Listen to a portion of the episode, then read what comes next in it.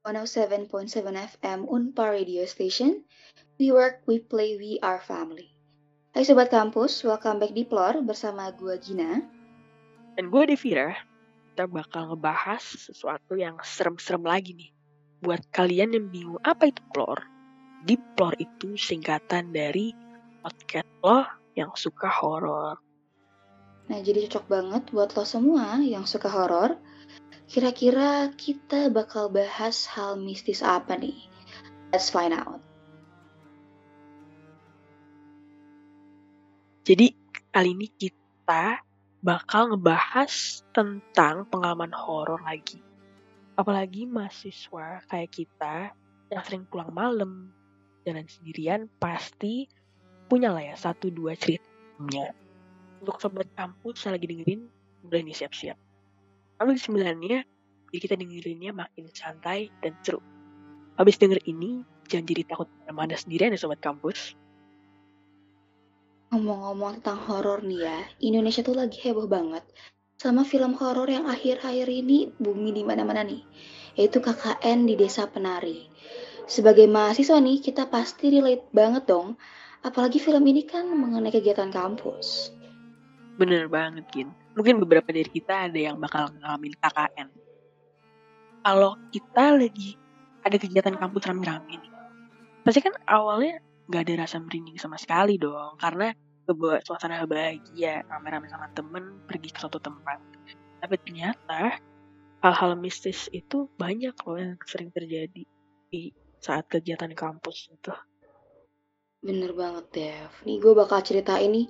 Salah satunya ada dari Oke Zone Ceritanya ini ada namanya Kinanti Setianing Tias nih. Salah satu mahasiswi yang ceritanya lagi cari-cari villa untuk kegiatan kampus. Dia sama rekan-rekannya lagi jalan, cari villa dan di setiap villanya itu mereka ngambil foto untuk dipertimbangin di villanya. Bener sih, menurut gue wajar lah ya. Nyari kamar villa, pasti buat foto-foto dong, buat pertimbangan. Benar, Terus gue benar. lanjutin ya ceritanya. Saat udah hampir malam, sampailah mereka di villa terakhir. Tes buat masuk ke villa terakhir emang agak susah. Karena jalannya berlubang dan menanjak. Malam itu, i, langit mendung, hawa mulai kerasa nggak enak. Setelah selesai survei, Kinanti dan rekan-rekannya pulang ke rumahnya masing-masing. Ini kayaknya udah mulai, aduh, ada apa nih sebenarnya nih ya? Kita langsung lanjut aja kali ya. Terus nih ya, ceritanya nih sobat kampus nih ya. Pas tengah malam, tiba-tiba Kinanti ini kirim dua foto villa yang terakhir sesudah dan sebelum diedit. Di foto yang sudah diedit, pencahayaan itu kan diterangin dikit nih ya. Dan tiba-tiba terlihat nih ada sesosok makhluk yang kurang jelas bentuknya yang lagi nengok keluar jendela. Hmm. Serem banget. Lanjut aja kali ya. Karena penasaran.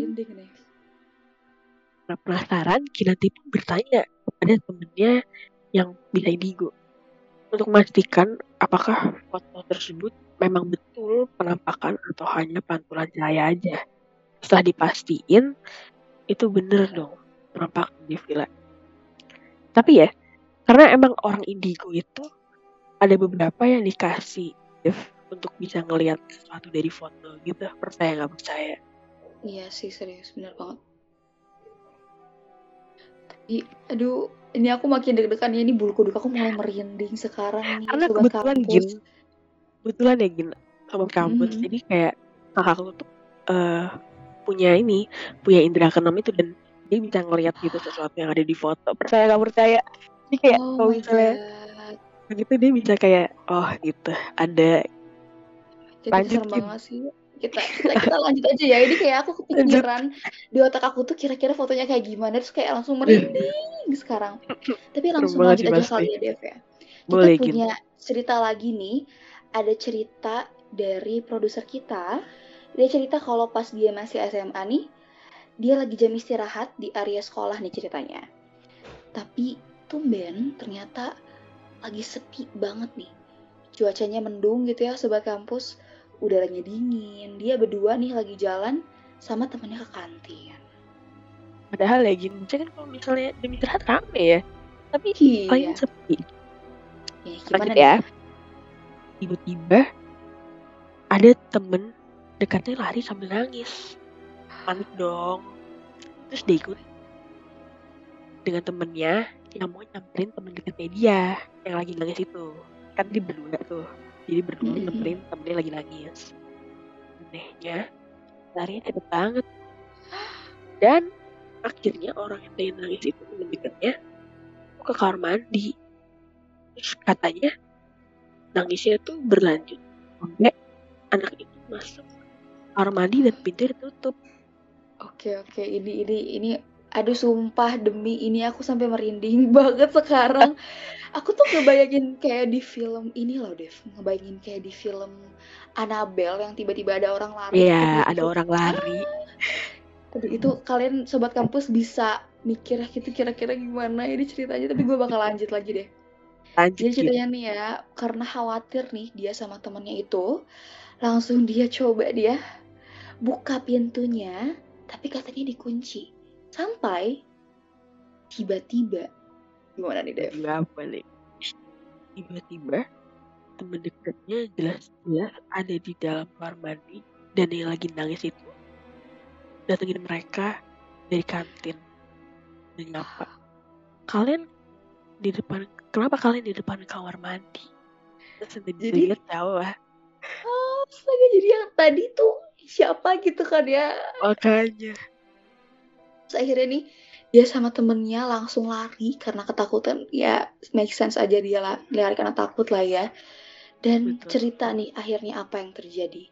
Selang beberapa menit mereka akhirnya memberanikan diri untuk pergi ke toilet lagi. Dan toiletnya ternyata kosong. Padahal setelah tadi dicek itu seharusnya tidak pernah dikunci karena rusak gitu toiletnya. Tapi posisi tadi dikunci ya. Iya bener banget. Aduh kok bisa gitu ya? Aduh jadi kira nih sekarang. Tapi gin, waktu itu aku aku udah cerita nih, aku udah cerita dikit. Karena Boleh, boleh, kebetulan ceritanya mirip-mirip. Sebenarnya Boleh, boleh, boleh. jadi jadi gini. Aku lagi ada acara di rumah. Di rumahku Mhm. terus kayak ada keluarga besar. Terus Hmm. em, jadi kebetulan di keluargaku itu yang bisa ngelihat itu ada om aku. Terus eh, papiku, papiku nggak bisa ngeliat, cuma dia kayak bisa ngerasain gitu. Kakak aku, sama sepupu aku. Mereka berempat bisa Hmm. ngeliat. Terus kayak posisinya kan lagi rame tuh acara keluarga, pasti kumpul-kumpul Hmm. lah. Terus aku biasanya tuh kalau kumpul-kumpul pasti sama kakakku sama sepupu. Mhm. Terus eh suatu saat kakak aku sama eh sepupu aku tuh lagi berdua di ruang tamu. Terus Hmm. posisinya lagi di luar rumah, lagi di dia di luar rumah lah lagi berdiri sama yang lain. Terus tiba aku masuk dong, aku masuk eh, lewat garasi ke ruang Hmm. tamu. Ya masuk biasa. Terus kakakku sama sepupuku kayak lah Dev, terus aku bingung dong. Hah, kenapa? Habis itu mereka bilang tadi bukannya lo baru keluar terus aku kayak bilang kayak ah enggak dari tadi gue udah di luar ini kayak ini tuh kayak kejadian tuh bukan cuma sekali dua kali gitu loh nggak tahu kenapa kayak ada Ya Ah, apa nggak tahu lah, jadinya kayak- dia dia ngikutin bentuk aku jadi kayak karena Astaga. karena yang ngelihat itu bukan cuma satu orang tapi dua orang kakakku sama sepupu aku. Aduh, aduh itu siapa? lagi. Nggak tahu kejadian mirip lagi gitu eh pas di rumah aku. Jadi kayak aku di kamar mamiku main papiku Hmm. ke kakakku di luar. Terus kayak ya udah ke ke kamar mandi papiku dong. Dibuka Hmm. pintu terus dia kaget. Lah Dev kalau di sini? Terus kayak lah tadi gue di sini. Terus dibilang terus tadi yang masuk ke kamar lo siapa? Ya ampun. Ya Allah, kayaknya nggak ngerti banget kenapa aku terus terus kakakku sampai kayak bingung gitu kenapa lu mulu yang kayak diikutin bentuknya? Aku kayak gue tahu. Kayaknya emang itu hantunya demen sama lu deh kayaknya, Dev. sampai jangan sampai Aduh, tapi serem banget. Tapi di anyway, selain cerita Devira tadi yang aduh serem banget, gue juga punya cerita nih, Dev. tokin Jadi mungkin ceritanya sama-sama aja kali ya. Cuman cerita gue itu pas gue masih lumayan kecil, masih SD, tapi ini masih keinget banget karena emang ini merinding, merinding banget. Jadi simpel cerita, gue tuh dulu baru pindah rumah ke salah satu rumah di daerah Cikutra. Mungkin bisa lihat ya teman-teman. Entah sekarang rumahnya udah rusak atau gimana, tapi salah satu rumah yang lumayan gede ukurannya di sana. Dan pas awal datang tuh emang suasananya sepi waktu itu kan ya, pas pertama kali survei rumah. Cuman eh, di situ tuh di luar pagernya ditanemin bambu kuning. Kamu tahu nggak bambu kuning itu fungsinya untuk apa? Jujur enggak. Jadi bambu kuning Buat tuh apa ya, tuh? aku tuh nggak tahu ini bener atau enggak, tapi katanya bambu kuning tuh untuk nangkal-nangkal kayak jin gitu. Itu udah mulai Oh, I see, I bingung see. tuh awal, bener pas survei kayak ini untuk apa ada bambu kuning. Tapi karena itu lokasinya strategis banget dan di tengah-tengah kota akhirnya keluarga aku mutusin ya untuk eh, ambil rumah itu. Sampai suatu saat di rumah itu tuh emang agak sedikit janggal karena pemilik rumahnya itu nyimpen banyak banget foto-foto, lukisan-lukisan, patung-patung Oh, orang. Di mana itu kan lumayan creepy ya kalau kita masuk gitu. bener. Ditambah di ruang tengah itu ada lukisan gede banget kayaknya ukuran 2 meter kali 3 meter. Ya pokoknya gede banget gitu. Gambar cewek lagi duduk gitu. Oh, Kalau di gitu. kalau di sini sih gak serem sih ya Mas sampai situ. Tapi terus gue potong kayak gini. Biasanya tuh kalau misalnya di Hmm. rumah-rumah, entah di mana pun deh, kayak saya nggak percaya lagi ya, karena kan hal mistis ya kadang susah dipercaya gitu gak sih? Jadi biasanya tuh kalau misalnya ada banyak patung, lukisan, Ya. ini biasanya suka ada yang. Nah, itu dia. Bener Hmm. banget, Dev. Ini gak cuman dari keluarga aku saja ceritanya, tapi dari keluarga Hmm. orang yang sebelumnya ambil rumah itu, ternyata emang ada gitu loh. Dan aduh, itu bener-bener kaget banget dan sempat ada cerita juga nih ya dari yang pemilik rumah sebelumnya bahwa lukisan itu sempat mereka eh, pasang sampai akhirnya mata si cewek yang di lukisan itu tuh kesannya kayak ngikutin mereka tiap kali jalan lewat Oh, lukisan itu. Akhirnya mereka copot kan ya lukisannya. Mereka copot lukisannya dan ini nggak malam loh padahal siang-siang hari bolong. Tiba-tiba cewek yang ada di lukisan, lukisannya di- udah dipindahin kan? Ada di depan meja iya. Oh, aduh, serem. Dan itu makanya itu kayak alasan mereka pindah deh dan kita kayaknya masuk ke Hmm. trap itu gitu. Jadi posisinya udah udah udah deal sama rumah itu. Udah jadi kita udah udah udah ambil rumah itu, kita nggak tahu hal itu gitu. Taunya setelahnya. Makanya eh, pas kita masuk rumah itu, terus lukisannya kan dipajang lagi ya sama pemilik rumah yang awal gitu ya. Karena kan nggak mungkin disimpan di gudang. Disimpan lagi dan mereka nggak cerita tentang apa-apa. Cuman kita emang nggak enak hati pas kalau Biasanya lewat kayak gitu biar laku lah rumahnya. Iya, makanya itu kayaknya wah itu gila banget sih. Sampai apa namanya? lukisan itu tuh kalau tiap kali kita lewat, mata si ceweknya tuh kayak ngikutin kita. Dan itu emang beneran dan Banget kurang a- kayak dalam hati kurang asem nih yang jual rumah kok nggak ngasih tahu gitu ini kan. Aduh. Astaga, sayang banget sih.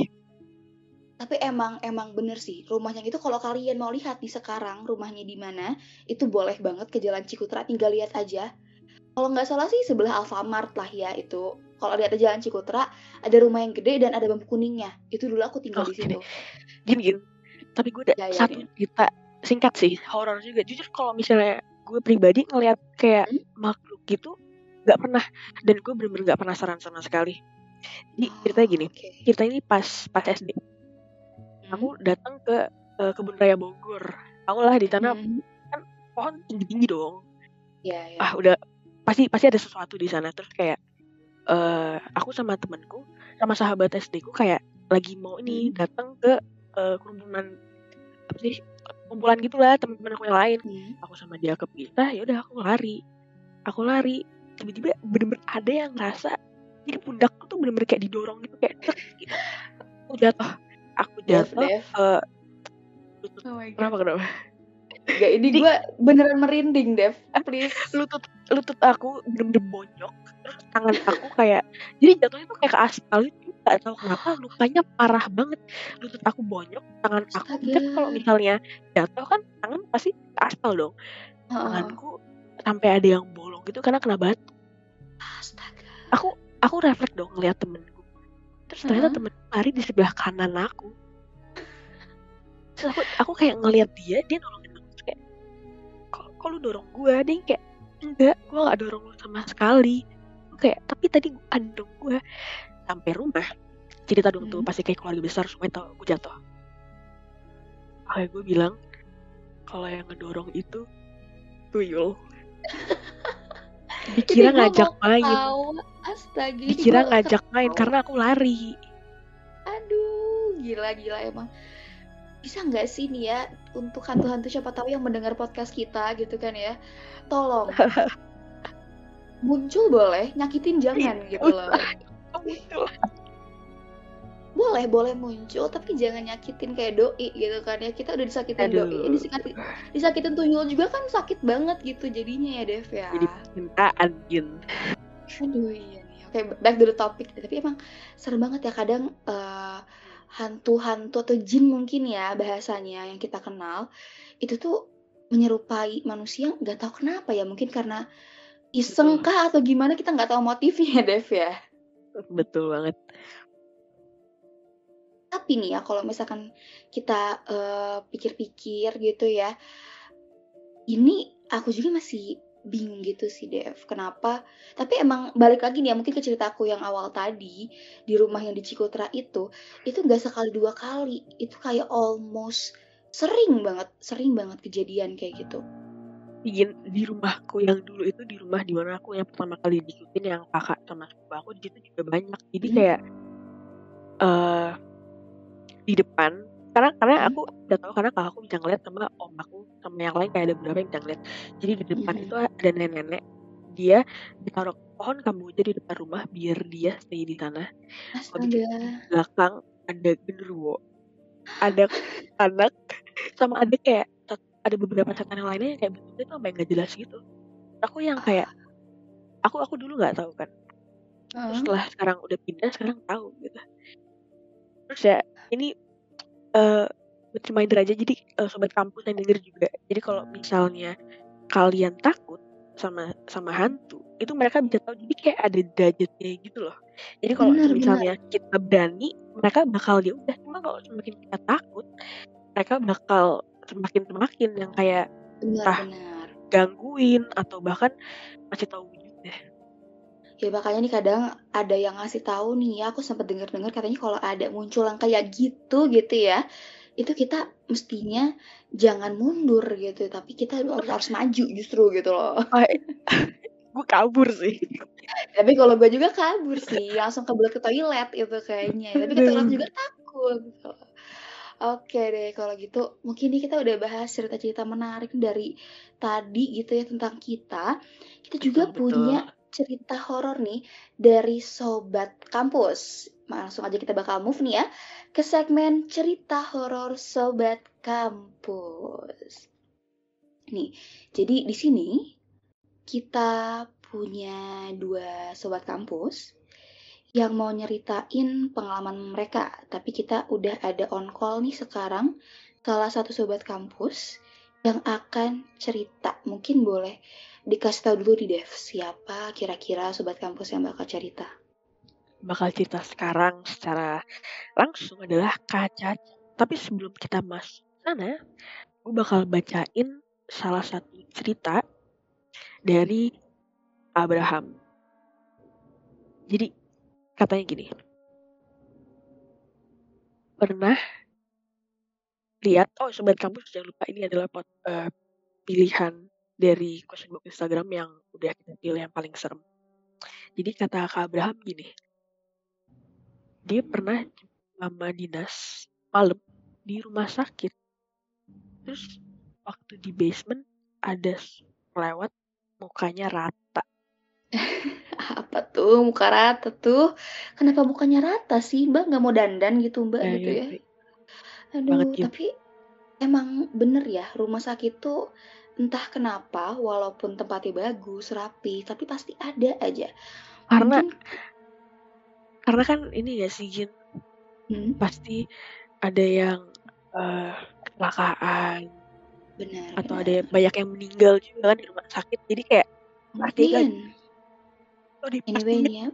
Hmm, nggak jauh-jauh dari horor benar, benar, benar. Apalagi kalau misalkan kamu tahu nih ya, ada salah satu rumah sakit nih di eh, sekitar kota aku. Jadi rumah sakit ini udah ada dari zaman Hindia Belanda. Dari tahun 18 eh, 1820-an kalau nggak salah, 1830-an. Kalau tahu mungkin namanya Rumah Sakit Dustira. Tahu nggak Dev kira-kira tuh Rumah Sakit Dustira? jujur kurang tahu itu posisinya di Bandung kan ya Itu ada di sebelah Bandung di Cimahi, tapi itu tuh sering banget dijadiin tempat syuting film horor karena memang di situ horor gitu loh. Aduh. I see I see Dan makanya nih rumah sakit Dustira ini, tapi emang sering banget bahkan kalau misalkan gue pribadi nih ya, kalau misalkan dulu sempet jenguk almarhum nenek gue ke Dustira tuh, gak pernah berani malam.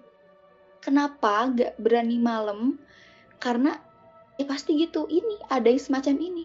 Ya lewat mukanya rata atau bahkan waktu itu pernah malam-malam ada suster yang bukan suster ya apa ya kayak perawat laki-laki yang jalan pakai sepeda tapi kenceng banget karena kebetulan Dustira tuh gede banget ya Dev jadi perpindahan Dustira tuh pakai sepeda jadi emang banyak banget hal mistis yang ditemukan di rumah sakit iya, iya. Ini pengalaman sendiri atau kayak cerita-cerita dari orang? Enggak ini pengalaman pengalaman sendiri dan emang banyak sekali yang terjadi di rumah sakit banget. gitu loh. Bener-bener jadi makanya relate banget nih dari Kak Abraham ini. Mungkin kita bakal next nih ya. Ada satu lagi nih cerita yang paling serem yang kita temuin di question box kita kemarin yaitu dari Caca nih. Kita langsung bacain dulu mungkin ya. Kita dapat nih ada di sini responnya itu lihat nenek-nenek pakai kebaya sama tongkat lagi jalan dari lubang kunci pintu. Waduh menarik juga ya. Langsung aja kali ya Dev. Boleh langsung aja kan kita bakal boleh. ngobrol-ngobrol Caca boleh nih. Apa udah ada nih Caca di sini nih? Halo, halo. Hai Caca. Hai.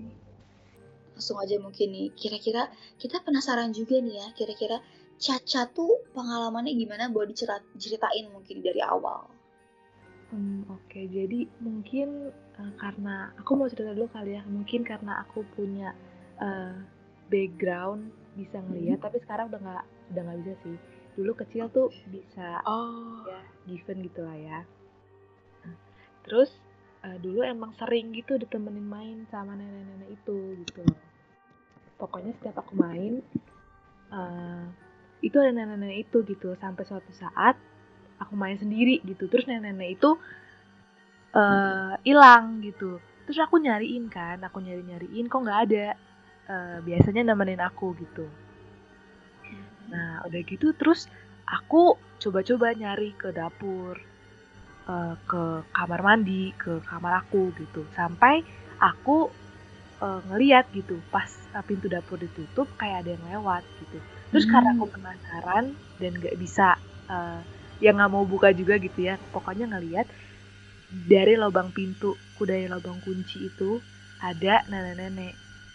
Sebenernya ngeliatnya tuh dari lubang kunci sama dari lubang kecil yang di antara kusen sama pintu. Itu kan ada lubang kecil kan ya? Iya iya iya.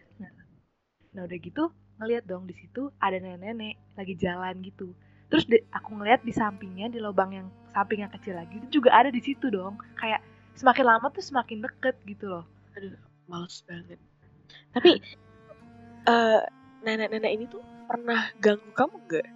Atau kayak ya udah kayak nemenin aja gitu atau kayak pernah ganggu kali dua kali? Untungnya nggak pernah gangguin ya. Hmm, bagus. Untungnya bagus nemenin main. Tapi orang tua tahu nggak kayak aku main sama makhluk yang nggak bisa dilihat orang gitu. Akhirnya tahu, akhirnya tahu karena aku kayak sering ngomong sendiri gitu. Oh iya. iya. Tapi anyway ini aku penasaran nih, Cak. Kira-kira perasaannya tuh gimana sih pas ketemu ekspresi neneknya tuh kayak gimana atau bentuknya gimana, pakai baju apa gitu mungkin. Kalau buat ekspresi jujur nggak pernah lihat muka depan ya. Nggak tahu juga untungnya nggak pernah lihat muka depan. selalu dari samping tapi nenek-nenek itu bener-bener kayak tau nggak nenek-nenek yang zaman uh, dulu kayak zaman tahun uh, 50-an Zaman Belanda 60-an. gitu ya. Iya bener Oke, kayak oke, gitu. oke. Oh. Wah, serem. Rambut serem juga sih ya. disambung. Oh my god. Kalau semakin dijelasin nih ya, semakin nanti malam gak bisa tidur nih, Cak. Kayaknya kita berdua, Cak. Oke. BTW itu nenek-neneknya pakai kebaya gitu loh berarti. Dia modelnya kayak ngebungkuk gitu gak? Iya gitu. Persis kayak yang diceritain kayak di film-film itu. Nah, Astaga. Tapi ini aku penasaran nih, Cak. Eh, kamu kemarin tuh kan tadi sempat bilang ya, bisa lihat. Dan itu gimana ceritanya kok sekarang bisa dicabut gitu penglihatan akan hal itu gitu. Karena dulu aku sering ngalamin kayak kejadian-kejadian gitu, maksudnya kayak sering ngeliat, terus jadi sakit-sakitan, hampir setiap bulan Hmm. sakit-sakitan. Jadi kata orang tuaku, Oh. oh ya udahlah tutup aja. Oke. Ah, menarik banget nih ternyata ya cerita Caca dan ini emang beneran cerita dari orangnya langsung gitu ya. Emang bener-bener Pengalaman melihat gitu ya. Bener Hmm. banget. tapi saya nggak percaya aku waktu itu pernah eh, kayak nutup nutup penglihatan kakakku gitu. Tapi nggak tahu kenapa kayak sesaat doang. Terus kayak selain ngeliat lagi. Kita kayak makasih banget Caca karena udah mau cerita-cerita ke kita dan sobat kamu. Bener banget. Thank you ya, Ca. Sama-sama. Oke nih, Dev. Sayangnya kita udah di akhir segmen nih sobat kamu. Terima kasih sudah mendengarkan kita di sini dan jangan lupa dengerin terus Flor kalau kalian berani. By the way, kalau kalian ada topik atau cerita horor, Bisa banget nih kalian langsung aja DM ke IG kita di @unparadiostation. Dan setelah denger podcast ini, jangan ke mana-mana sendirian ya. Bye-bye and see you terus di 107.7 FM Unpar Radio Station. We work, we play, we are family.